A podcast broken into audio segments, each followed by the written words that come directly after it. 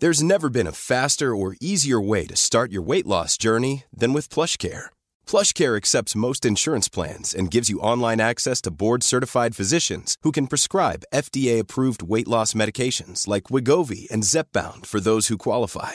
Take charge of your health and speak with a board-certified physician about a weight loss plan that's right for you. Get started today at plushcare.com slash weight loss. That's plushcare.com slash weight loss. plushcare.com slash weight loss. Millions of people have lost weight with personalized plans from Noom, like Evan, who can't stand salads and still lost 50 pounds. Salads, generally, for most people, are the easy button, right? For me, that wasn't an option. I never really was a salad guy. That's just not who I am. But Noom worked for me. Get your personalized plan today at Noom.com. Real Noom user compensated to provide their story. In four weeks, the typical Noom user can expect to lose one to two pounds per week. Individual results may vary. I'm Sandra, and I'm just the professional your small business was looking for. But you didn't hire me because you didn't use LinkedIn jobs. LinkedIn has professionals you can't find anywhere else, including those who aren't actively looking for a new job but might be open to the perfect role, like me. In a given month, over 70% of LinkedIn users don't visit other leading job sites. So if you're not looking on LinkedIn, you'll miss out on great candidates like Sandra. Start hiring professionals like a professional. Post your free job on linkedin.com slash spoken today. Want to teach your kids financial literacy, but not sure where to start? Greenlight can help. With Greenlight, parents can keep an eye on kids' spending and saving, while kids and teens use a card of their own to build money confidence. As a parent, you can send instant money transfers, set up chores, automate allowance, and more. It's a convenient way to run your household, customized to your family's needs, and the easy way to raise financially smart kids. Get started with Greenlight today and get your first month free at greenlight.com slash ACAST. I'm amazed how many people own stocks. They, they would not be able to tell you why they own. They couldn't say in a minute or less why they own. Actually, you really press them down and say, the reason I own this is the sucker's going up. There's enough cash in the financial system, and there's an infinite amount of cash at the Federal Reserve. An infinite amount Put of cash. Put that check in a money market mutual fund. Then we'll reinvest the earnings into foreign currency accounts with compounding interest, and it's gone. So they had to do something. All they had left was just to print money and start buying things. And that's what they did. Quick buck artists come and go with every bull market, but the steady players make it through the bear market. They say money can't buy happiness. Look at the fucking smile on my face. Hej och välkommen till ett nytt avsnitt av Market Makers. Och eh, det är ju inget vanligt avsnitt idag Fabian. Vad är det som händer? Ja, det är fullständigt nederlag. Det är väl närmast man kan komma, eller? ja, det du syftar på att vi startade för ett år sedan en liten tävling tillsammans med podden Aktiesnack eh, med Magnus och Peter där. Och eh, då pitchade vi alla fyra varsitt case. Vi pitchade våra två case i deras podd, de pitchade sina case i vår podd och nu har det ju gått ett år då och vi summerar de här casen. Eh, och det är det avsnittet bland annat kommer handla om. Och framförallt, det jag tror folk är mest intresserade av, våra nya case till nästa år, för vi kör ju den här tävlingen igen. Och det ska tilläggas då att det här avsnittet är inspelat den 15 december och det är från 15 december vi räknar tävlingen till då den 15 december 2024 alltså. Men först kommer det vara en gemensam summering av våra case, och lite lärdomar och, och vad som har gått snett och vad som inte har gått snett. Det har ju varit ett katastrofalt resultat för nästan allihopa. Ja, ver verkligen. Den enda som eh, lyckades faktiskt få, få bra avkastning, det var ju Peter och han tajmade in... Den enda som ens fick positiv avkastning ska tilläggas. Det är inte bra för vårt rykte den här tävlingen. Nej, men uh, han tajmade in ma makron väldigt, väldigt bra. Uh, så han såg ju det att det var utbombad tech, så han långade i sönder tecken medan vi andra, vi var ju kvar där lite på 2022-spåret. Ja, precis. Energi och... Och mycket småbolag framförallt. Ja, exakt. Men vi som sagt, vi vi ska hoppa rakt in på avsnittet så får ni höra det istället. Och då bjuder vi in Peter och Magnus i studion. Och vi kommer sagt ha en gemensam summering, så den kommer man kunna höra i båda poddarna om man vill det. Men däremot, sen kommer vi bryta och då kommer det vara så att Peter och Magnus eh, pitchar sina nya case i den här podden. Och sen vill man höra ditt och mitt case så får man helt enkelt byta över till Aktiesnack-podden. Eh, som jag gissar på släpps, eh, jag vet inte om det är den här veckan eller om det blir nästa vecka. Det får, får man gå in och kolla helt enkelt den, i deras feed. Den, den släpptes igår, så att nu när vi spelar in den 19 19 december så är den redan ute på, på vift. Ja, du ser. Så det är bara lys lyssna in den. Oavsett i alla fall vad vi pitchar för case och vad vi säger så ska man komma åt inte någon råd eller rekommendation som pågår i podden. Vi berättar bara om vår process och hur vi tänker. Du måste alltid göra din egen analys och glöm aldrig att alla investeringar är förknippade med risk. Vad mysigt hörni, att sitta tillsammans här igen. Eh, det är lite jul, julstämning här, det kanske blir en tradition av de här case-tävlingarna. Och vi sa att vi skulle ha ett lite gemensamt först genomgång av casen vi hade förra året och prata lite om hur det gick. Och eh, jag vet inte, tycker ni att vi ska börja från eh, toppen kanske? Börja prata med, om vinnaren först. Det tycker och så jag. sparar vi den sämsta till sist, det vill säga jag. det låter inte fel. Du kan väl dra ställningen först? Yes, jag kan börja i den änden. Och eh, ja, du Peter hade väl, tog väl vinnar... Eh, vad heter det? Första platsen här. Du hade ju Mercado Libre som case. Vill du ge 30 sekunders pitch till vad du sa förra året? Eh, ja, tesen var väl ganska simpel och det var att Mercado Libres tillväxtresa skulle fortsätta och att marginalen skulle upp främst på grund av ads-segmentet då som har väldigt hög marginal och som blir en större del av verksamheten gradvis hela tiden. Och det är väl egentligen exakt det som har utspelats här. Sen så har ju Mercado Libre presterat bättre än vad jag estimerade. Så att det har ju gått lite bättre än vad jag trodde. Sen så är det ganska intressant att eh, jag kan säga det också, Mercado Libre är ju eh, en e-handels och fintech-ledare i Sydamerika för de som inte lyssnade på den pitchen. Men det är ganska intressant att det här ser ju faktiskt heller inte så dyrt ut just nu, vilket gör att jag tar åt mig ännu lite mer ära för den här segern. för vi har ju faktiskt EV Free Cashflow på 19 just nu för ett Melli som, som bara fortsätter ånga på och växer topline med typ 60 till stigande marginaler. Så att, eh, jag tror faktiskt att det kan finnas mer uppsida i Melli. Ja, men du hade ju rätt mycket marginal också får man väl ändå säga i din vinst. Det var väl plus 80% på Peter och sen så minus eh, 40 till 45% på oss andra. Så att eh, det var lite Ja, skillnad. det, det är faktiskt den enda som har gått plus på ditt case, vilket är otroligt. Och det roliga var att jag vill minnas det som att när vi satt här för ett år sedan så skrattade vi lite andra åt ditt case. Vi tyckte, gud vilket, vilket trött eh, pick liksom. Ta ett storbolag, vi andra satsade på Jo, småbolag. Men då, då kan jag tillägga också, för det var ju en del av tesen vill jag minnas, att de här covid-favoriterna, vilket Mercado Libre verkligen var, de var ju väldigt utbombade för ett år sedan. Så just då så hade ju de verkligen haft extrema drawdowns. Och jag är liksom ingen makroekonom och lägger inte jättemycket vikt vid det, men bara på det sentimentet att de hade sålts av jätte, jättekraftigt, det la jag också i alla fall, eh, jag adderade lite av det till min bulltes. Ja, men äh, du hade helt rätt också. Och det var ju det vi... Äh, det var ju, ser genialiskt ut i efterhand. Det var kanske genialiskt också, förlåt, det var inte meningen att säga att det inte var genialiskt. Eh, men det, var ju, det känns som vi andra bettade mycket på att ja, men nu ser ränt, inflationen är hög, räntorna är höga, det här är inte rätt typ av case. Eh, och nu har ju vi fått liksom ner inflationsförväntningarna, ner ränteförväntningarna och Mercado Libre har ju gått, ja, men bara senaste månaderna här är ju över, upp över 10 procent. Och som sagt då, blir det, plus 85 procent eller något på helåret. Har du dragit några lärdomar av det här? Kanske är svårt att dra lärdomar av ett case som har gått eh, över förväntan? Nej, men generellt för Mercado Libre, för den aktien den ägde jag ju i över tre år. Jag köpte ju först på coronabotten och sen så ägde jag den i ja, men, tre och ett halvt år ungefär. Och det är ju att det, det är ju alltid mycket volatilitet, även på ett bolag som presterar väldigt linjärt och väldigt bra hela tiden. Och någonting som har känts bra i Mercado Libre för mig, det är att jag kan bolaget så bra fundamentalt och tror på den långsiktiga tesen och då störs jag inte jättemycket av den kortsiktiga volatiliteten som har funnits. Utan då har jag mer försökt ta vara på det genom att sälja av när det har gått jätte, jättebra och multiplarna börjar stiga och skala in mig mer när det har droppat. Eh, så det är väl kanske lärdomen och den är inte jätteunik egentligen, men att liksom våga vara långsiktig och äga ett case som du verkligen tror på fundamentalt. Nej, men, men det är samtidigt, det där tror jag är den största nyckeln till att bli framgångsrik som en aktiv investerare. När man har tiden att sitta och titta på det, lär man känna sina case, vet vad man tycker de är värda, så kan man göra den typen av affärer som säger. Absolut. Tittar man bara snabbt på grafen, i början på året så låg ju Mercado Libre typ 800 spänn, eh, 800 dollar ska tilläggas. Sen gick det ju ganska kraftigt upp i början på året. Sen har den ju i princip stått stilla, men då lite upp och nedgångar. Och bara för här, ja, vad är det, i eh, oktober så kunde du fortfarande plocka upp den för 1200 och nu står den i 600 dollar. Så det är 30 procent bara sedan i oktober. Jag ska vara ärlig Så man har ju och, kunnat eh, göra affärer om man har varit lite aktivare. Verkligen, och jag ska vara ärlig och säga att jag sålde Mercado Libre i augusti tror jag, så jag har inte varit med på hela den här resan. Men eh, det betyder inte att jag inte är vinnare i den här tävlingen i alla fall. Du är inte ledsen ändå, det kan man säga. Precis. Sen, ungefär 100 procentenheter ned. Från 85 procent plus till minus 39 procent, nästan 40 procent, så har vi tvåa i tävlingen och det är ju Fabian Franzén med Dolphin Drilling. Oj. Vad har du säga till ditt försvar Fabian? Andra plats på nästan minus 40 procent, det är otroligt.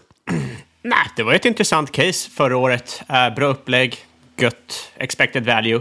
Eh, och för er som har glömt så kort och gott så det här var ett case på att oljeriggmarknaden skulle bli riktigt tight.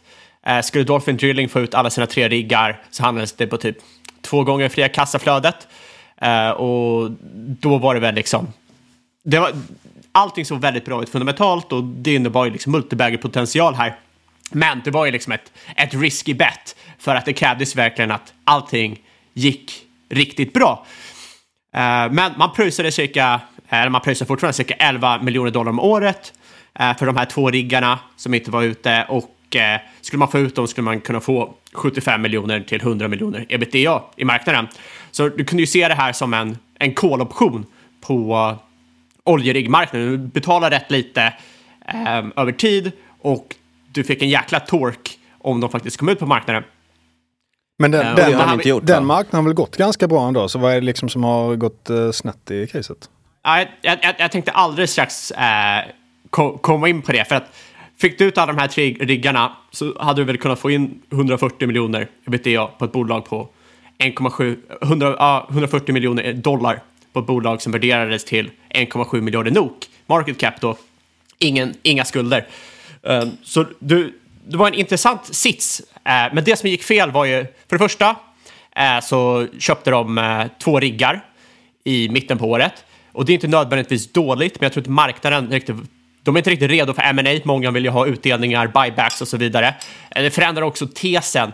Eh, jag hade redan sålt för det laget, men hade jag inte sålt då hade jag sålt liksom, när de köpte det här. Eh, för jag tycker att det förändrar tesen så pass mycket så man orkar inte, speciellt i en sån här sektor där en vanlig, en vanlig fälla är att management vill bygga empires.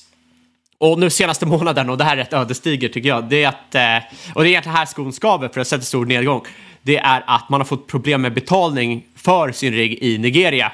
Och det här är i samband med den generella oljebäsen har inte varit kul för, för Dolphin, för att det, det höll ju liksom på att leta sig upp där mot, mot minus 10, minus, liksom nollan.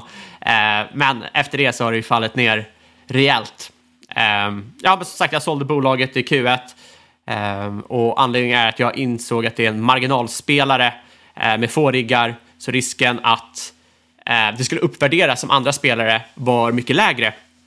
Och det, alltså att du inte får någon multipelexpansion. Och då tyckte jag alternativkostnaden var alldeles, alldeles för hög. Och eh, till det du sa Magnus, om att marknaden gått bra. Ja, marknaden har gått rätt bra. Du har sett en liten svaghet i, eh, i floaters, de som är längre ut på vattnet, för det kostar mer att sätta igång sådana projekt. Eh, och det innebär ju en... Ja, du har ju dragit ner hela sektorn i stort sett. Eh, eller inte dragit ner det, men det har konsoliderat en del på just det. Och när du har ett case som utgår att det ska bli supertajt där ute för att de ska kunna få ut de här skitriggarna, eh, då är det ju inte direkt positivt heller. Det behöver inte negativt vara, eller liksom, det behöver inte vara dödsdömt.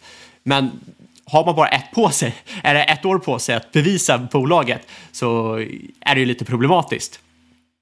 Eh, men kollar man idag så handlas ju det genomsnittliga riggbolaget mellan 4-5 ebitda på 2025 estimat. Eh, rätt många av de här bolagen guidar rätt konservativt. Eh, och eh, på det här har du också eventuellt uppvärdering när man betalar av skuld, om bolaget är skuldsatt, eller utdelningar och buybacks och det kan generera ytterligare avkastning. Den enda i stort sett outliern här, eller en av dem, det finns två stycken, det är Transocean som är lite högre för de har lite optionalitet. Men så är det ju Dolphin som handlas runt två gånger ebitda. Och det är mycket på grund av den här flottan de har just nu som är rätt eh, rätt kass, suboptimal eh, och de har ju lite, lite problem. Eh, jag tycker personligen, kanske beror på vad, vad du tar för size, men jag tycker att det finns intressantare case just nu, speciellt när du har haft en nedgång i den generella marknaden. Eh, Vad skulle du säga är lesson learned när det kommer till det här caset då? lesson learned, det första är att lyssna på IR noggrannare. Jag hade ett samtal med Investor Relations um, där han sa att ja, de var intresserade av liksom, strategiska M&A. Men jag tänkte ju bara, det här ser ju många bolag, om det uppkommer en jättebra liksom, möjlighet så är det klart de hoppar på det. Men de var ju mer på det än, än vad jag hade tänkt. Och det andra är väl liksom att har du få tillgångar så stiger ju risken. Um, jag tänker i och för sig att den risken fanns ju alltid där och det är väl inte någonting som jag eh, bortsåg, bortsåg från egentligen. Men Det var, det var ju den risken som gav den attraktiva prislappen också. exakt, Och, och exakt det är så det är. lärdom där kopplat till eh, communications också med IR eller management. Skulle du till exempel ha kunnat ställt ännu hårdare frågor kopplat till kapitalallokering för att försöka fiska ut den här informationen, vad de, de- vad de egentligen hade då för, för plan going forward? Nej, han var ju helt ärlig. Alltså, så jag behövde inte fiska någonting. Det var bara att inte jag la så sär, särskilt stor vikt på det. All right. Ja, för, för jag, jag, jag var nog för uh, kolla för mycket på prislappen. Uh, min största lärdom är ju att Alltså, jag har ju ägt flera bolag i den här sektorn och de flesta har ju presterat fantastiskt i år. Så att, alltså, hade jag velat vinna tävling eller göra bättre så kanske jag skulle pitchat ett case som jag hade större size i själv i portföljen. Brukar vara bra. Jag kommer komma till ungefär samma slutsats när jag pratar om mitt case också. Jag ser också Fabian att du har gjort, eh, verkar ha gjort enormt stor eh, kapitalförstöring du spridit till landet också. Antalet ägare på Dolphin Drilling var ju nästan noll eh, 12 december förra året och sen spikade det där. Eh, så det är upp 200 procent antalet ägare sedan ett år tillbaks. Dock Från är det bara 76 till stycken. Eller? ja, det är från 76. Jag, jag, jag, jag ska ju också säga att eh, det noterades ju där runt i slängarna och det har ju faktiskt varit en rätt, rätt många, det är ju det är mer personer som har pratat Dolphin i liksom, amerikanska kretsar än vad jag sett prata om Borr fram tills nyligen. Och Borr är en rätt kvalitativ spelare inom sektorn. Så det är Ja, många jag, sko som jag har... skojar bara med dig. Du brukar alltid anklaga oss andra för saker och ting, så nu skick, skickar jag tillbaka bara. Nej, jag, alltså jag, tycker, jag, tycker, jag tycker bara det är väldigt, väldigt intressant. Det är många liksom, amerikanska, till exempel gamla kolinvesterare och så, miners, som verkligen har gillat den här spelaren, antagligen för att den handlades så billigt. Men i alla fall, minus 39 procent. Det är otroligt att det gav en andra plats. Man undrar ju då vad det är för mer skräp på den här listan. Faktum är att det är dock ett ganska tight race och med, ja, egentligen bara senaste veckan här så gick ju du om mig Magnus med ditt case. Nej, nej, inte, inte senaste veckan. Det var ju kanske den största bragden jag varit med i mitt liv. Jag låg ju fruktansvärt sist fram tills för en månad sedan och sen började Waystream stiga Egentligen utan några anledningar alls. 50% ungefär. Och sen så 17.24 dagen vi avslutade tävlingen så var det någon som köpte några aktier som gjorde att jag gick om dig. Så att det var, det var, det var minst sagt med minsta marginal. Nej, snacka om att falla på mållinjen för min del. Waystream är också ett bolag som har ökat antalet ägare väldigt mycket. Nu säger jag inte att det är din, ditt, din, på grund av dig, Magnus. Det har ju varit ett väldigt hypat bolag överlag, snackats mycket om. Och sen bara kollapsade väl i, var det Q1 varje år? Ja, men det, det, det var väl egentligen med i alla, nästan alla stora poddar. Det var ju Kvalitetsaktiepodden snackade lite om det, Börspodden, ni snackade ju om det lite. Jag var kanske mest positiv i och för sig. Men där var det ju verkligen att det gick från liksom en solskenshistoria rätt in i väggen. Och det är ju branschen där som har gjort det. Man kan ju se på Hexatronic, Transtema och så vidare. Alla de aktierna är också ner 60 till 90 procent. Ja, vad bolaget gör då, det vet ju förmodligen de flesta. Men det är ju switcher till fibernätverket. Jag vill bara friskriva oss där. Vi har faktiskt inte lyft bolaget. Det är du som har lyft bolaget i vår podd. Det kan jag inte ta åt med den. Mycket skitbolag har jag pitchat i mina dagar, men inte det. Nej, men eh, i alla fall. Men eh, det var ju ett bolag under snabb förändring. Och där gäller det ju alltid då att hitta, liksom, är det här någonting som kommer kunna vara uthålligt eller är det liksom bara en tillfällig bump upp? Och då hade man ju flera grejer med att Huawei skulle bytas ut ur liksom alla nät och det var en av de absolut största spelarna för man vill inte ha kinesisk mjukvara inne i fibernätverken. Man hade expanderingen i Tyskland som började rulla på och det var en enorm marknad som skulle växa jättemycket. Och man hade precis slutit ett ramavtal med Telia. Så att det såg ju väldigt bra ut även när jag går tillbaka och kollar på det. Sen så det som jag kanske kan ta med mig det är hur otroligt stor påverkan marknaden kan ha. För att det var ju liksom marknaden tog ju totalt och dödade det caset. Det gick ju från att de växte vinsten med hundratals procent till att de gjorde minusresultat. Och det skedde ju på ett, två kvartal egentligen. Så att det var ju enorm snabb vändning i aktien. Ja, men är inte branschen otroligt cyklisk också? Uh, jag, jag hade aldrig liksom lyft det här förra året, men i år har jag läst en del böcker om liksom, kabelindustrin och telekomindustrin och så. Och det man ser är liksom många...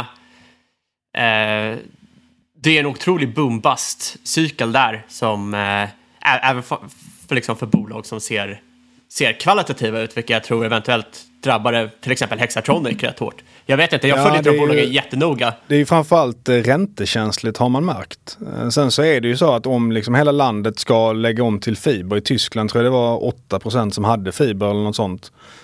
Om det då är beslut från regeringen att man vill satsa på det här, då kommer ju det liksom ske. Men sen så blir det till slut att kalkylen går inte ihop för det är ganska låga marginaler i fiberutbyggnad. Så att det var väl det helt enkelt som gjorde det. Och då blev det väldigt snabbt. Var det inte så att det fanns någon typ av blackbox kopplat till säkerheten också i intäkterna? Jag har för mig att när du har pratat om det i vår podd att du var inte helt hundra på hur mycket av nyförsäljning då som utgjordes av renewals för de här switcharna. Att det, det var lite så här osäkerhetsmoment för att om en jättestor del var renewals, alltså gamla liksom switchar som behövde bytas ut av befintliga kunder där man redan hade bra relationer. Då kunde man ju anta att det fanns en viss säkerhet i intäkter framåt. Ja, men det sant. Men, men det var de inte det redovisar de inte, va? eller inte publiken Nej, med. exakt. Så man kunde inte veta exakt hur mycket det var. Precis, men det fanns ju ett potentiellt liksom, bra bullcase där. Men det var ju som sagt en blackbox och det tror jag att du sa också i, i aktiesnack. Ja, för de, de har ju sagt det att de, har ju, de vinner ju stadsnät och så vidare. Och så när stadsnäten då gör om till fiber och bygger nya hus och så vidare, då tar de och använder Waystream. Och de säger att de har aldrig förlorat en kund någonsin. Så deras churn är liksom noll under typ 15 års tid, vilket är extremt bra. Men sen så hur stor andel av försäljning som kommer då från de här befintliga stadsnäten och hur mycket som kommer från nya till exempel stororders från Tyskland eller Norge och så vidare. Det visste man ju inte. Så det, du har rätt, där var liksom så lite så frågan hur stor är den delen där. Men, men att det skulle gå så dåligt som det gjorde, det, jag har ju suttit och skämts eh, i nio månader. Sen, sen så har det ju varit en jättebra affär för dig, eller hur? Ja, Alltså- jag, jag pitchade ju caset i vår podd när den stod i 25 tror jag. Eh, och berättade sen att jag sålde när den stod i 60. Precis, Om och det var 45. trots det så har du ju fått en del skit för det caset, fast du ändå gjorde en jättebra affär på det. Ja, men så blir det. Folk gillar att kasta skit. Folk kommer bara ihåg det dåliga. Ibland känns det så. Ja, apropå skämmas i eh, nio månader. Jag har ju fått skämmas i tolv månader. Jag kom ju på sista plats då, precis omkörd på mållinjen. Och mitt case förut var ju Sun for Energy. Och eh, både jag och Fabian, vi är ju underhållningsmänniskor i grunden, så vi tänkte vi måste ha nya case. Vi tar inte våra, det vi är mest conviction ut, vi ska hitta på något nytt så det blir spännande för lyssnarna. Och det, så vi grävde ju vår egen grav där lite. Eh, Hisspitchen här, det är ju egentligen en solcellsinstallatör och det har man ju sett det här senaste halvåret. Då hade man kanske inte pitchat det här caset i och med att ja, men räntorna har gått upp och många finansierar sina solceller med bolån. Eh, och generellt liksom har det varit eh, det, konstiga dock är att marknaden har fortfarande gått bra. Bolaget har fortfarande gått bra. Eh, jag tycker att, faktiskt att det är lite litet oförtjänt resultat, men jag tror att jag lite eh, sköt mig själv i foten genom att välja ett så illikvitt bolag. Det har ju bara ett börsvärde på drygt 100 miljoner, väldigt låg likviditet i aktien. Jag hade ju en förhoppning, en tanke om att det var det som skulle liksom dra caset. För får man minsta lilla momentum här i affären och att folk börjar intressera sig lite för det här bolaget, då kan ju en sån typ av bolag dra väldigt snabbt i och med att det inte finns så mycket aktier att tillgå. Så jag tänkte ju liksom att jag skulle fuska mig till vinsten i den här tävlingen. Eh, resultatet blev istället att jag förlorade tävlingen. eh, och, och det är lite intressant där. Bolaget är ner 50 procent nästan, 45, eh, minus 48 procent exakt. Eh, Medan till exempel bolaget Windon, eh, Windon Group, som ju noteras via den här Hodelsbacken, de är ju upp ungefär samma belopp, trots att det är, eller samma procentsats, trots att det är mer eller mindre ungefär samma case, kan jag tycka. Eh, och affären går fortfarande bra för bolaget. Eh, multipeln är dock fortfarande, jät- är fortfarande jättelåg, eh, men ja, som sagt, aktien har, har halverats. Eh, och, och jag tycker som sagt att det största egentligen som har framförallt gått emot det här bolaget är ju att likviditeten helt försvunnit för småbolag. Folk har ju inte varit så intresserade av småbolag förrän kanske sista månaden här nu. Eh, så att på, bolaget omsatte på riktigt 500 kronor här för någon vecka sedan. Så det kan man väl kanske säga att det är någon slags rekordlåg likviditet. Eh, ja, lärdomar här är väl helt enkelt att satsa kanske mer på case som man har lite mer conviction i själv. Eh, och sen, jag vet inte, överlag, det är ju extremt svårt måste jag säga med det här tidsspannet på ett år. Det ska vara väldigt mycket som, som klaffar på ett år kan jag tycka. Eh, det känns betydligt lättare att säga på ett kvartal eller på tre till fem år kanske. Ja, för det var väl lite där, elpriserna var ju superduper höga under vintern men föll sen och det var många som spekulerade i att de skulle fortsätta vara höga. Och hade de varit det, Precis. då hade du kanske vunnit tävlingen till och med. Så det är ju små marginaler som kan avgöra. Exakt, ibland. jag glömde den parametern precis. För räntorna har som sagt gått upp och då var kalkylen i början fortfarande bra. Även om räntorna var höga så var elpriserna höga som du säger. Då gick fortfarande kalkylen ihop. Men nu har elpriserna gått ner och räntorna är fortfarande jättehöga. Så just nu är ju kalkylen på solceller väldigt, väldigt dålig. Sen ska det tilläggas lite saker här. Bolaget har viss burn rate ändå. Nu köpte man också ett bolag som heter Neotech. Jag har inte följt faktiskt Sun for Energy så noggrant senaste halvåret. Eh, men de förvärvar ett bolag och eh, betalar mycket med egna aktier som jag förstår det. Man blir väldigt, väldigt utspädd som ägare. Så att, jag vet inte, jag skulle inte säga kanske att caset är superintressant just nu. Det är inget jag själv äger aktier i. Eh, men jag har inte alla detaljer riktigt kring det uppköpet som sagt för att jag inte riktigt följer bolaget så noggrant. Jag såg däremot att vd köpte aktier för en och en halv miljon här för, för någon vecka sedan eller vad, och två dagar senare så då gick man ut med en order på nästan 8 miljoner. eh, och för det här lilla bolaget så är det ganska signifikant. Jag kan tycka att det så kanske inte jättebra ut. Med det summerat, så sagt, eh, spridda skurar mellan poddarna, men eh, man får väl ändå någonstans säga att Peter är den stora vinnaren här, som är den enda som har gått plus på sin, sitt case. Ja, det är väl Peter och jag med den här upphämtningen då, eh, får man väl säga. Ja. Om, om, du vill, om du vill vrida det åt det hållet, absolut. Jag, jag försöker göra det, annars kan man inte ta mig igenom det psykiskt. Men hörni, jag tycker vi hoppar in på de här exklusiva delarna, för nu är det ju så att vi delar upp oss här i två stycken poddar. Eh, och först ut så är det ju ni som ska få pitcha era case i våran podd och sen kommer man få höra våra case i eran podd. Då kan jag börja med min pitch kanske och det är Kambi. Och inte det Kambi som alla känner till utan Kambi med C, ett norskt case. Och det är eh, ett ESG-case eh, som jag tror handlas lev ebit 7-8 på nästa års eh, vinst och man har market cap på 2,5 miljarder NOK. Och det man gör egentligen det är att man hanterar avfall i vattenreningssystem. Idag är det så att ungefär hälften av världens avloppsvatten släpps ut helt obehandlat. Vilket är ganska nasty om man ska vara helt ärlig. Men det står också för 1,6 procent av världens växthusgaser. Vilket är nästan lika mycket som hela flygindustrin. Så att eh, det är både ett case för rena vatten och för global warming verkligen. Och eh, det man gör då det är att man i de här stora anordningarna, alltså vattenreningsverket, så omvandlar man själva liksom avfallet som kommer in där till biomassa. Som man sen kan använda till biogas och liknande och därigenom få energi från det. Så att man tar istället för att ja, ha någonting som bara släpper ut massa metangaser så blir det istället någonting som ger energi till världen. Och man hade en genombrottsorder i eh, USA för några år sedan i eh, Washington som har gjort att amerikanska marknaden tagit fart mycket. Man har tre till fem år ungefär i säljcykler så att det tar väldigt lång tid att liksom komma in på nya marknader. Men trots det så är man i 27 länder idag på alla sex kontinenter och nu har man ju verkligen börjat växa som sagt i USA och andra länder. Och eh, när det kommer till eh, försäljningen då så har man, säger man att man har 300 städer i pipelinen. Man har ungefär 85 städer idag som kunder och det finns ungefär 3000 som är möjliga kunder. Så att man har ganska bra utrymme att växa framöver också. Och sen så några grejer som kommer kunna driva på det här framöver. Det är lagstiftning som eh, ofta när det kommer till ESG. Eh, vi har taxonomin i EU. Den säger att vattenreningsverk ska vara klimatneutrala fram till 2040. Eller det finns förslag om det i alla fall. Och då är ju den här lösningen en superbra lösning för att göra det med tanke på att man då omvandlar det här till biogasmassa. Och sen så i USA så har vi också att man har gett eh, skattelättnader till biogas och det gör att kalkylen är lättare för att få ihop den här investeringen då hos vattenreningsverken där. Och eh, när det kommer till ens position på marknaden så är man faktiskt överlägset störst. Man har helt enkelt över 50% av marknaden. Alltså vattenreningsverk finns ju överallt men just den här processen som Kambi har för att omvandla avfallet till biogas, där har man över en 50% i marknadsandel. Uh, och sen så om man ska grotta ner sig lite i detaljer i siffror så har ju orderboken gått från att ligga på typ 400-500 miljoner NOK uh, från 2020 till 2022 till att idag ligga på 1,8 miljarder NOK. Så att man står verkligen inför, man har stått inför en puckel senaste året försäljningsmässigt och den kommer förmodligen fortsätta framåt också eftersom orderboken har växt så mycket. Man sålde för ungefär 800 miljoner senaste året och som sagt orderboken är på 1,8 miljarder nu. Eh, och sen så är frågan lite då, kommer det här vara någonting som är hållbart eller är det bara en tillfällig puckel? Och jag har pratat med bolaget och frågat liksom varför är det nu det börjar gå så mycket bättre? Och då nämnde man delvis det här med USA, att man har fått referenskunder och när det sker på kontinenter och i olika länder så har man referenskunder som man sen kan visa upp för andra.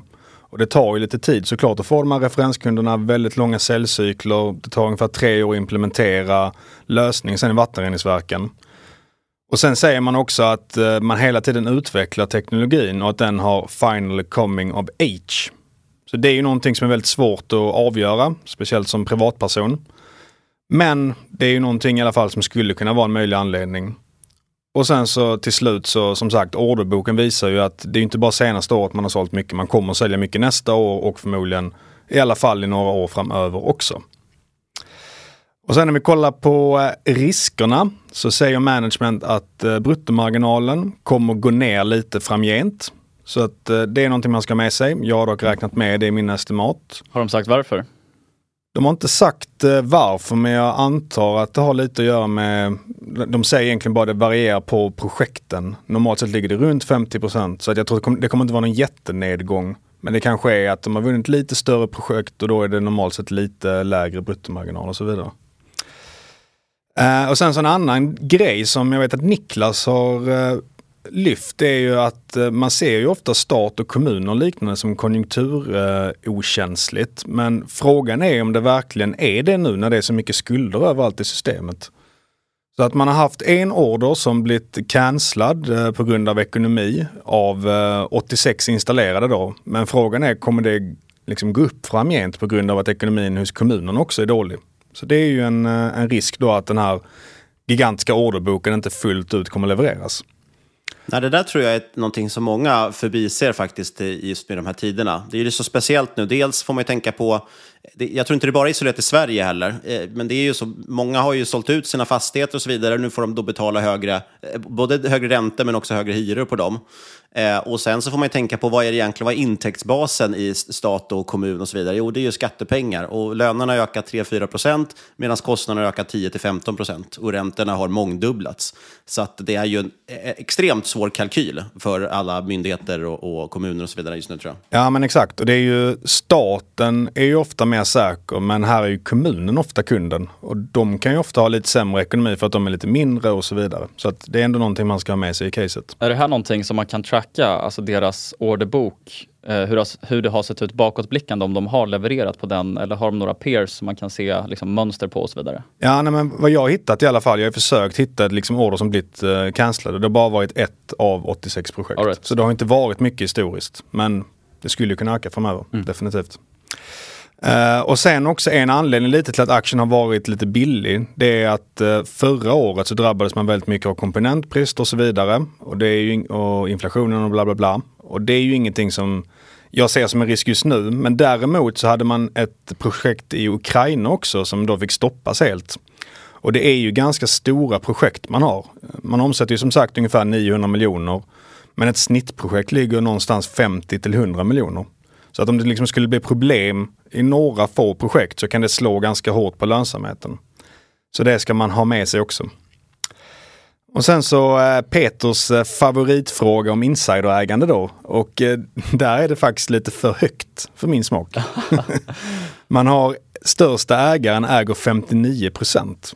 Och det gör ju, det är styrelseordföranden då som liksom har varit med och grundat bolaget. Och det gör att han har egentligen makten att göra lite vad han vill med bolaget. Om man som minoritetsägare har inte den makten. Så att jag gillar ju när det är mycket insiderägande men det kan ibland vara lite för stort. Och i det här caset så är det faktiskt det för min, min smak i alla fall. Och, och det där är också rätt intressant ur en likviditetsfråga. Nu vet jag inte hur det ser ut i aktien, men om insiderägandet är jätte, jätte, jättehögt som i det här fallet, Eh, det innebär ju också i sin tur att free float är låg och att eh, institutioner till exempel kan ha svårt att ta size, vilket gör att det kan bli svårare med multipel expansion och så vidare. Det är sant. Sen så är det ju 2,5 miljard i market cap just nu. Men eh, med tanke på det vi har sett senaste året så fonder rör ju knappt bolag som har miljarder i market cap. Tyvärr. Så att det är också en relevant poäng. Jag vet inte om det finns någon, eller det finns såklart statistik, men jag vet inte om någon av oss sitter på den. Jag gör inte det. Men jag kan tycka också intressant det där med att har man så pass mycket, så pass stort insiderägande, jag menar han är ju då, har ju över en miljard i, i, faktiskt, i värde på de aktierna. Ja. Så kan jag tänka mig också att man har lätta, lä- lite lättare att lätta på sitt innehav också. Det kan vara ganska gött att casha hem några miljoner här och var.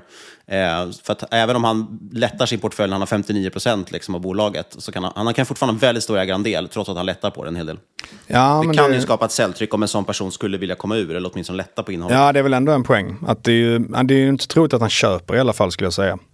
Men sen Nej, har han inte precis. sålt hittills. Så att, eh, och kursen stod ju ganska mycket högre. Eh, 80% högre för två år sedan tror jag. Så att eh, då sålde han inte i alla fall. Ja, det är roligare när man har omvända. Jag tänkte på när Sverre heter väl, som tillträdde som styrelseordförande i B3 Consulting. Jag minns att jag ägde aktien där då, för han hade ju ett konstant köptryck i marknaden. Han låg ju bara och, och köpte i princip alla aktier som, som dök upp. Eh, och den är ju roligare att stå på den sidan, när någon ska Ja, försöka bygga en position som insider. Ja. Nej men absolut. Och sen så man ska avsluta med lite moats och liknande. Så eh, som sagt, man är absolut störst. Man har mycket referenskunder. Jag tror det är viktigt när man kommer till kommuner som liksom bara vill att det ska funka. Man vill ha den som liksom är mest erfaren med den här lösningen. Och sen så har man 145 patent också. Så att eh, det är någonting som borde kunna skydda bolaget ganska bra och man har nu ganska bra skalbarhet och marginaler och det tycker jag är ganska rimligt. Och jag tror att det kan fortsätta framöver. Du har ju glömt bort en ganska viktig sak här Magnus. Vadå? Äger du aktier? Det gör jag. Den frågan väntade jag skulle komma. Och eh, kan jag ju slänga in en disclaimer här åt dig, Magnus. Med tanke på att du fick skit för Waystream, som trots att om man hade följt dig till punkt och pricka, nu ska man inte rygga, men om man hade gjort det, då hade man ändå varit 100% plus. Så den här gången kan jag väl då säga att om det är någon som tänker att de ska rygga Magnus, vilket man absolut inte ska utan att göra egen research, då får man banne med lyssna på er podd. Då kommer man ju höra när du har sålt och förhoppningsvis då, så kan man inte klaga i efterhand tänker jag. Nej. Det, Ni har ju ändå full transparens på så sätt. det stämmer. Och det här kommer inte ens vara i vår podd så då kan man inte anklaga oss för något. Det är Market Makers fel. Smart. Du tar, du tar liksom så här andrahandscasen, pumpar in dem i en annan podd istället. det är klart. Eh, jag tänkte bara avslutningsvis, eh, kan du inte berätta för oss, vad står aktien i om ett år? Eh, och eh, varför vinner du tävlingen med den? Vad är det som ska trigga att den står högre om ett år? Nej, men jag tror när den här orderboken eh, levereras så kommer aktien gå upp helt enkelt. Och eh, kollar man på orderboken i Q4 2022 så var den i 460 miljoner nog att det skulle levereras under 2023. Men det som faktiskt levereras är det dubbla. Och motsvarande siffra nu är 750 miljoner. Så om samma grej händer i år, alltså att man levererar mer än vad orderboken säger att den ska leverera inför året, vilket är fullt rimligt för man tar ju in orders under året också. Då kommer man komma på de här 7-8 i ev-ebit. Och om den gör det, då tycker jag att ett sånt här case som ändå, liksom det är stabila grejer, det är ganska bra marginal. Det borde kunna gå upp en eh, Mercado Libre-resa i min bok i alla fall. Om det går så som jag hoppas på. Så att eh, om det händer så tror jag att jag har goda chanser. Snyggt! Och då hoppar vi vidare kanske till Peters case, om inte har- någon har någon mer följdfråga. Jag har ingen mer fråga. Och jag, tänk, jag tänkte prata om eh, Cefello, vilket jag tror eh, kan bli väldigt intressant idag. Det har varit en liten snackis på, eh, på Twitter och sen så även eh, ni har pratat om Cefello vet jag och HelloFresh. Är det en hel, helsvängning från din sida? Eh, ja, det kan man väl nästan säga. Det är kul ju, du fick ju mycket skit för att det har varit mycket Team Olle eller Team Peter. Du var ju hello, Ja. Mr Hello Fresh och Olle är Mr Chefello. Ja, det var ju till och med Precis. memes som skapades där ni liksom så nästan skulle slåss och grejer. Så att, Mm. eh, det var ju verkligen snackis Alltså, på Twitter. min bild av att, är ju att det där blev väldigt, väldigt överhypat. Det var ju inför Cefellos Q1 tror jag, eh, så pratade vi om HelloFresh och jag beskrev det som att HelloFresh är eh, liksom ett mycket bättre bolag än Cefello. Eh, vilket det är tycker jag. Sen så ska man ju såklart ta priset på aktien i beaktning. Eh, så att det, det där blev lite miscommunication i min bild i alla fall. För att jag uttalade mig snarare om Cefello kontra HelloFresh som bolag och inte var inte uppsidan på aktierna om man säger så. Då. Det är sant. Och, och sen så Det hände det ju väldigt mycket, för jag uttalade mig innan Cefellos Q1 om jag minns rätt. Och då var det ju ett helt annat case också. Och där har jag ju ändrat tes såklart. Eh, och det är därför jag har köpt För aktier. det måste man ju säga fortfarande att HelloFresh är ju ett bättre bolag än Chefello om man bara ser det som ser till kvalitet. Alltså man tittar på logistikkedjan och allting. Det finns ju inget bolag som kommer i närheten av HelloFresh. Nej, precis. Skillnaden var att Chefello var ju prisat för att eh, gå, typ, gå i konkurs. Exakt. Och sen så hade det visat sig att man kunde göra bolaget några procent bättre. Och det räckte ju väldigt, väldigt Precis, långt. och just då så blödde de ju väldigt mycket kunder. De hade en ganska liten kassa och så vidare. Så att det var ju inte helt omöjligt med de, de datapunkterna att bolaget faktiskt skulle konka. Men jag, jag kommer komma tillbaka lite till det eh, och även prata lite om Olle idag faktiskt. Eh, men jag tycker i alla fall att Cefello handlas på nivåer som fortfarande då indikerar att bolaget kommer ha stora lönsamhetsproblem under lång tid och jag håller inte med om det här. Och Cefello omsätter ju ungefär en miljard kronor på rullande 12 och har ett börsvärde på 175 miljoner. Och ett Enterprise Value då för 100 miljoner om vi justerar för leasing. Och en viktig grej här är alltså att Cefello är ett skuldfritt bolag med nettokassa om man då justerar för leasingen. Så att den enda räntebärande skulden de har det är alltså leasing. Så om vi då tar börsvärdet plus nettoskuld och sen justerar för leasing så får vi alltså ett EV på ganska exakt 100 miljoner. Och sen så, jag kommer komma tillbaka till värderingen lite mer sen, men vi räknar ju också ner kassaflödet för leasingen också naturligtvis. Jag tror ju hur som helst då att Cefellos lönsamhetspotential är underskattad och att det är just det som kommer driva aktien kommande året. Det vill säga att man överträffar vad gäller lönsamhet och jag köpte in mig i Cefello precis innan Q2. Och det var ju en del av den här kortsiktiga tesen som jag har då att man då skulle sluta blöda omsättning och kunder och att man faktiskt skulle stabil- stabilisera omsättningen.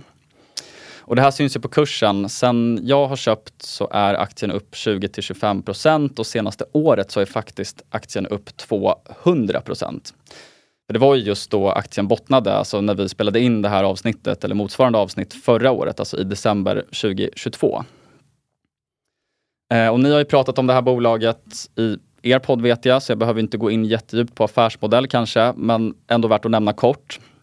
Alltså det grundas ju i e-handel, direct to consumer och att sälja så kallade meal kits. Och det funkar då som så att kunderna betalar en prenumerationsavgift per vecka för att få hem ingredienser och recept till dörren då som man sedan lagar själv. Och det här gör ju Cefello då genom ett gäng olika varumärken i Norden. Man har Linas matkasse i Sverige, Gott Levert och Adams matkasse i Norge och Rätt Nämnt i Danmark. Och sen lite kort om marknaden då så har ju den växt väldigt snabbt men det är ju till stor del på grund av corona och remote-trenden. Men den förväntas i alla fall fortsätta växa ganska snabbt fram till eh, 2030 med 17 procent per år då fram tills dess. Men om vi går in lite på investment case och eh, värdering så har jag i, i mina estimat att man växer topline med typ 5% under 2024 och att ebitda-marginalen kommer vara 5 Sen så drar vi då av 25 miljoner i leasing och det ger oss ungefär 28 miljoner i någonting som borde ligga ganska nära kassaflödet. Sen så drar vi av också 8 miljoner i capex enligt, enligt mitt estimat då, och då landar vi på ungefär 20 miljoner i fritt kassaflöde. Och en viktig grej också när det kommer till kassaflöde, det är att Cefello, precis som HelloFresh, har negativt rörelsekapital. För det är att man, man får ju betalt först av sina kunder och sen betalar man sina leverantörer. Och det är väldigt attraktiv, en väldigt attraktiv ekonomisk modell kan man säga. Så att de binder alltså inte kapital när man växer. Och då blir värderingen i så fall typ EV Free Cashflow 5 eller? Yes, that, that's right. Eh, så vi har alltså ett EV på, på 100 då justerat för leasing och sen så ja, typ 20 miljoner tror jag att man gör i, i kassaflöde ungefär. Sen så är ju en, en viktig option att ta i beaktning det är att cash build-up slår ju så otroligt mycket på ett så här litet bolag. Så att om vi säger att Cefello genererar 30 miljoner i cash under 2024, då får vi räkna ner Enterprise Value med 30 procent. Och det spelar ju såklart jättestor roll för värderingen om det skulle inträffa. Sen så finns det mycket osäkerhet kring lönsamheten. Det är en av riskerna att det här skulle kunna dröja tror jag. Alltså, det skulle kunna vara fortsatt kämpigt under 2024 för Cefello när det kommer till lönsamhet. Så jag har valt att snarare betrakta det som en option och margin of safety i kalkylen. Och tänker vi så risk-reward-termer och inkluderar då potentiell nedsida så ser jag inte riktigt hur Cefello ska värderas lägre än vad det gör just nu då om vi helt exkluderar emissions och konkursrisk. Och det är väl det som också har så materialiserats nu över en tid i aktien för att den, den, har stigit nu en period. Men jag tror alltså fortfarande att det ligger lite som en våt filt över aktien. Alltså, bolaget handlades ju som lägst till ett börsvärde på 65 miljoner kronor och det var alltså i december 2022 med en omsättning som överstiger en miljard. Så det är väldigt tydligt tycker jag att marknaden prisade in en eventuell konkurs här. Eh, en annan grej som är viktig att belysa det är ju att det nästan också är uteslutande clueless retail som sätter priset just nu, ursäkta språket. För det är väldigt låg likviditet, det är lågt fondägande och lågt börsvärde som sagt. Så det är ju alltså knappt några professionella ögon på det här caset just nu och en kul observation där är att Cefello gjorde en väldigt påkostad kapitalmarknadsdag som jag tycker man kan kolla på om man är intresserad av det här bolaget för det var, den var väldigt bra tycker jag. Men den har ju typ tusen views eller någonting på, på Youtube, vilket säger lite om så här att in, intresset är nog ganska lågt. Sen så har vi också så här volatila resultat och kassaflöden och en verksamhet som också har varit under stor förändring och det tycker jag stärker tesen om att en ganska liten klick retail förmodligen har svårt att sätta ett pris då som reflekterar värdet. Man har ju drygt 1500 ägare någonting på Avanza också. Mm. Så det är ju ändå då ganska bra tusen pers tittar på kapitalmarknadsdagen. Måste jag säga. Men det är nog inte så mycket fonder som är inne och uh, spanar Absolut inte. Och börs, med så lågt börsvärde också så är det kanske inte så Precis, konstigt. de kan ju typ inte köpa nu. Men eh, om vi går in lite på insiderägande och transaktioner. Det har ju också gjorts 41 insiderköp motsvarande typ ja, 3% av bolaget ungefär eh, under året nu som har gått. Och det är ungefär 4,5 miljoner SEK som det har köpts för och det har gjorts ett sälj under året. Och det är inga enorma summor som vi pratar om här men det bör ändå ses som positivt signalvärde tycker jag att det har gjorts 41 köp och ett sälj sedan maj. Och de här insiderköpen är också ganska brett fördelade på ledning och styrelse. Och en väldigt intressant sak här i alla fall för de som hänger på Finanstwitter, och då, för att koppla tillbaka lite till Olle också. Det är att det enda insidersäljet som har skett, det genomfördes ju av avgående styrelseledamot Gert Munte den 3 mars och då sålde han 12% av bolaget, typ på botten. Då var kursen 7,5. Och intressant här är att Gert skulle pensioneras och hans fond skulle avvecklas och därav så var han ju också helt opriskänslig. Så därför ska man inte lägga någon vikt vid den här försäljningen då, trots att det var omkring 12% av bolaget. Och det var ju också en del av de här aktierna som Olle Kvarnström plockade upp. Så det vill jag ge lite cred för också. Jag tycker att det, det är en ganska så här värd grej att, att prata lite mer om. Ni kanske har någonting att, att tillägga här också. Men att Olle köpte ju Cefello på, på mycket högre kurser först och hade följt det här bolaget väldigt, väldigt länge. Och sen så när läget var helt perfekt, eh, det var också så här, som sagt helt rätt säljare, kursen var jättelåg. Eh, han hade förmodligen väldigt så här mycket analytisk eller informativ edge för att han hade följt det här så länge. Då kunde han verkligen slå på den stora trumman och köpa en jättestor del av bolaget och göra den största investeringen som han själv har sagt då, som han någonsin har gjort på det optimala tillfället. Eh, så det är en liten fjäder i hatten tycker jag till Olle. Ja, han har inte gjort mycket fel senaste året, den där lilla snåljåpen. det får man ge honom. Eh, och en annan kul observation också kopplat till ägarlistan, det är att jag har noterat i Holdings att Nemcap har köpt typ 1,5 procent av bolaget. Det är en ganska liten del förmodligen av hans totala kapital, så jag vet inte hur mycket vikt man ska lägga vid det. Och sen så är det faktiskt några andra så Twitter-folk som jag också har sett i ägarlistan på Holdings. Men jag är inte riktigt bekväm i att outa de namnen faktiskt, för de är ju anonyma. Det är väl förvisso Nemcap också. um, men hur som helst så, så, är det ändå fint tycker jag att Olle har köpt typ 8-10% av bolaget nu tror jag. Och eh, ja, Nemcap kanske man inte ska lägga li lika mycket vikt för, eller vikt vid. Men det är i alla fall två investerare som jag har respekt för. Eh, så det summerar väl caset och jag antar att du tänkte fråga Niklas vad jag tror att aktien står i om ett år. Ja, eller egentligen sagt, vad är det som triggar den på ett år till att den står högre? Eh, och, och då kommer det liksom bli följdfrågan då. Eh, var, vad ska den stå i om ett mm, år ungefär? Mm. Alltså jag tror att narrativet kring mealkitbolag generellt kommer ändras under 2024. För den här industrin har haft det väldigt, väldigt tufft. Jättetuffa eh, komps eh, från corona. Och det har precis nu vänt kan man säga. Så att jag tror att industrin kommer börja växa. Jag tror att både HelloFresh och Cefello kommer växa under 2024 och det kommer ändra narrativet.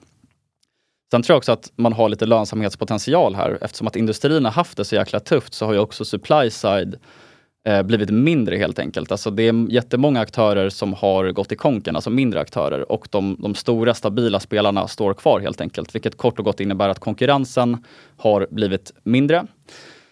Eh, en option, den är såklart jättesvår att analysera, men om makroekonomin skulle bli bättre så skulle det nog också få liksom, ytterligare fart för milkitbolag, för det har ju drabbat dem eh, ganska hårt. Sen tycker jag att det är lite överspelat också, för någonstans så blir det ju typ en relativ inflation man får bedöma där. För alltså ICA till exempel drabbas ju också. Alltså här, matvarorna på ICA blir också dyrare. Så det, det, är inte bara liksom att, att mealkit-erbjudanden blir dyrare helt enkelt. Eh, men det tror jag i alla fall är sådana här kortsiktiga katalysatorer helt enkelt. Och sen som sagt lönsamheten som jag tror att många tvivlar på, att den kommer tillbaka kanske är det absolut viktigaste för att det ska sätta fart på aktien. Och det sagt så tror jag att aktien står i 25 kronor om ett år. Är det, du snudde mina 80 upp nu eller? Ja men typ. typ, typ. Snyggt. Jag minns att vi pratade ganska mycket om dem i avsnitt 304. Och då pratade vi just fokus på eh, ja, men vad de har egentligen gjort under året, just kopplat till inflationen. Eh, och då tyckte jag det var intressant, för de har gjort så mycket förändringar. Det var ju det Olle sa, att han såg också, att det finns väldigt mycket lågt hängande frukt där. Mycket hanteringskostnader, mm. det är ju ett stort fokus på Cefello. Att få ner hanteringskostnaderna. Och något som var lite intressant ändå, tycker jag, det var just apropå det du pratade om inflationen. Det är ju en relativ inflation, all mat har blivit dyrare. Jag upplever, jag har ju haft matkassa i ganska många år nu, jag upplever ju att matkassan har inte stigit så pass mycket i pris. Jag vet Precis. att jag gick in och var tvungen att titta på det där, om det var så stor skillnad. Eh, och det är inte jättestort. De säger ju också att de inte har höjt eh, särskilt mycket under mm. 2023, utan det höjdes framförallt 2022. Eh, och det intressanta blir ju nu när inflationen går ner igen, då, och framförallt på matvaror och så vidare, blir kanske billigare till och med. Eh, och då har man redan gjort lönsamhetsförbättringarna, man har gjort prisjusteringarna och jag tror inte alls man ligger under samma press medialt som eh, till exempel ICA-handlare och så vidare gör, där man tycker att de är giriga butikerna som tar så mycket betalt.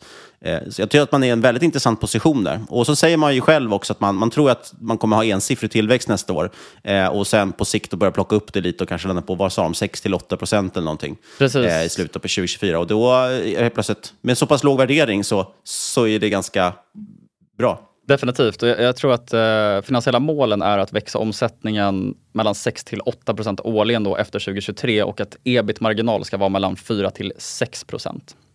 Och, då, och, på målen ser det billigt ut. Och när, jag tänkte bara säga det Niklas också, du nämnde ju Olle lite där och han har ju även pratat om eh, varumärkena de har. Alltså till exempel då Linas matkasse i Sverige. Och det tycker jag också är ett bra argument för Cefello. Eh, de pratade lite om det på kapitalmarknadsdagen också, men att de faktiskt har starkare brand recognition i Sverige än till exempel ett HelloFresh. Eh, så det, det tycker jag också man inte ska underskatta, det vill säga att det förmodligen finns ett stort värde i att Linas matkasse till exempel är ett otroligt välkänt varumärke. Jag tror att de gör väldigt rätt i det de gör. De har ju sagt att de vill försöka rensa ut de här dåliga kunderna helt enkelt. Att vi satsar på de kunder som är bra. Vi kan aldrig vinna mot HelloFresh i marknadsföringsspelet. Mm. Och det märker man ju att HelloFresh delar ju ut gratiskassar till höger och vänster. Eh, och nästan inga, jag har ju delat ut jättemånga sådana till folk jag känner. Eh, och nästan ingen av dem fortsätter ju med det sen. Man tycker nice, ma gratis mat en vecka, det tar jag gärna. Men jag tänker inte fortsätta betala för det. Eh, så det är ju en förluststrategi tror jag i slutändan. Och, och det där är också en grej som har gjort att jag har blivit mer positiv till bolaget och aktien. För jag har haft möte med, med vdn och sen så har jag snackat ganska mycket med Olle också över DM på Twitter framför allt. Och jag tycker att de har en väldigt rationell strategi i att vara nummer två på marknaden i Norden. Det vill säga att man faktiskt ödmjukt kan säga att de är inte är ute efter precis alla kunder. Och sen så kopplat till HelloFresh så har jag själv tyckt att deras extremt aggressiva strategi, jag har bara fått någon känsla själv av att det är nog inte optimalt varumärkesmässigt heller. Alltså för det är så här, de, de krigar bara med näbbar och klor för att du ska liksom återaktiveras som kund så att man tycker typ att det är jobbigt till slut. Alltså de är så otroligt aggressiva. Det är intressant poäng det där också med kostnad och effektivitet. För att när det kommer till sån här verksamhet där marginalen ligger på 3, 4, 5 procent. Alltså kan du minska kostnaderna så att marginalen går upp typ 3 procent. Det är ju liksom en, kan vara en 50 procentig ökning. Mm. Så att just i den här branschen så är det ju extremt viktigt med effektivitet och kostnader medan typ ett Evolution, det spelar inte så mycket roll om de minskar kostnaderna med 3 och de 65 istället för 68% marginal. Precis. Så det är någonting som är väldigt viktigt att ha med sig också. Det tänkte jag faktiskt nämna som både en potentiell uppsida och nedsida, det här med den liksom jättetunna marginalen. Att det kan ju faktiskt slå jättemycket på uppsidan men också på, på nedsidan. Och fråga, äger Peter aktier? Det gör jag som sagt köpte innan Q2 och har ägt sedan dess. Superspännande case. Det här gillar jag väldigt mycket. Jag har ju som sagt också följt bolaget. Eh, och med det får vi väl tacka för er medverkan. Och vill man lyssna på mitt och Fabians case så får man ju lyssna på podden Aktiesnack helt enkelt. Ja, och då var vi tillbaks här i studion igen utan Peter och Magnus. Som sagt, vill man lyssna på våra pitchar, eh, våra case som vi har lyft upp till det här årets tävling, ja, då får man helt enkelt switcha över till Aktiesnack-podden som ju släpptes den här veckan. Vi ska dock påminna om att inget av den här podcasten ska ses som rådgivning. Alla åsikter vi egna LVS och eventuella sponsorer tar inget ansvar för det som sägs i podden. Tänk på att alla investeringar är förknippade med risk och sker under eget ansvar. Eh, kontakta oss på podcast.marketmakers.se eller på Twitter at marketmakerspod och lämna gärna en recension på iTunes. Och sist, men absolut inte minst, kära lyssnare, det här är ju sista avsnittet för året, så vi hörs igen på andra sidan nyåret och tills dess önskar vi en riktigt god jul och ett gott nytt år. The wonders of life got the prettiest side for everyone to enjoy. Standing up close by the Christmas tree, glimmering light, I am right where I wanna be. I will be home for a couple of days, wander around with you.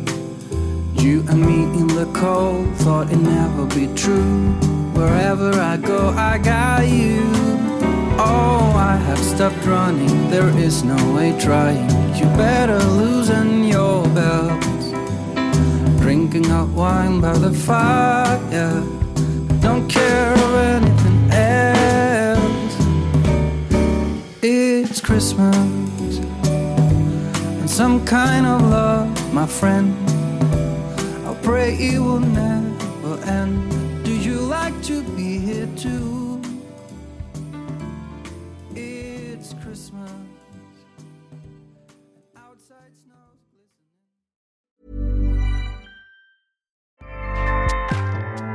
ACAST powers the world's best podcasts. Here's a show that we recommend. The Real Housewives is a guilty pleasure for most, but if you're looking to not feel guilty about that pleasure, tune in to Everything Iconic with me, Danny Pellegrino, where I break down all the messy moments and behind the scenes antics of Bravo's popular franchise. And on Everything Iconic, I also interview celebrity guests like Kelly Ripa, Kiki Palmer, Drew Barrymore, Cameron Diaz, and more about their guilty pleasures, their past work, and so much more.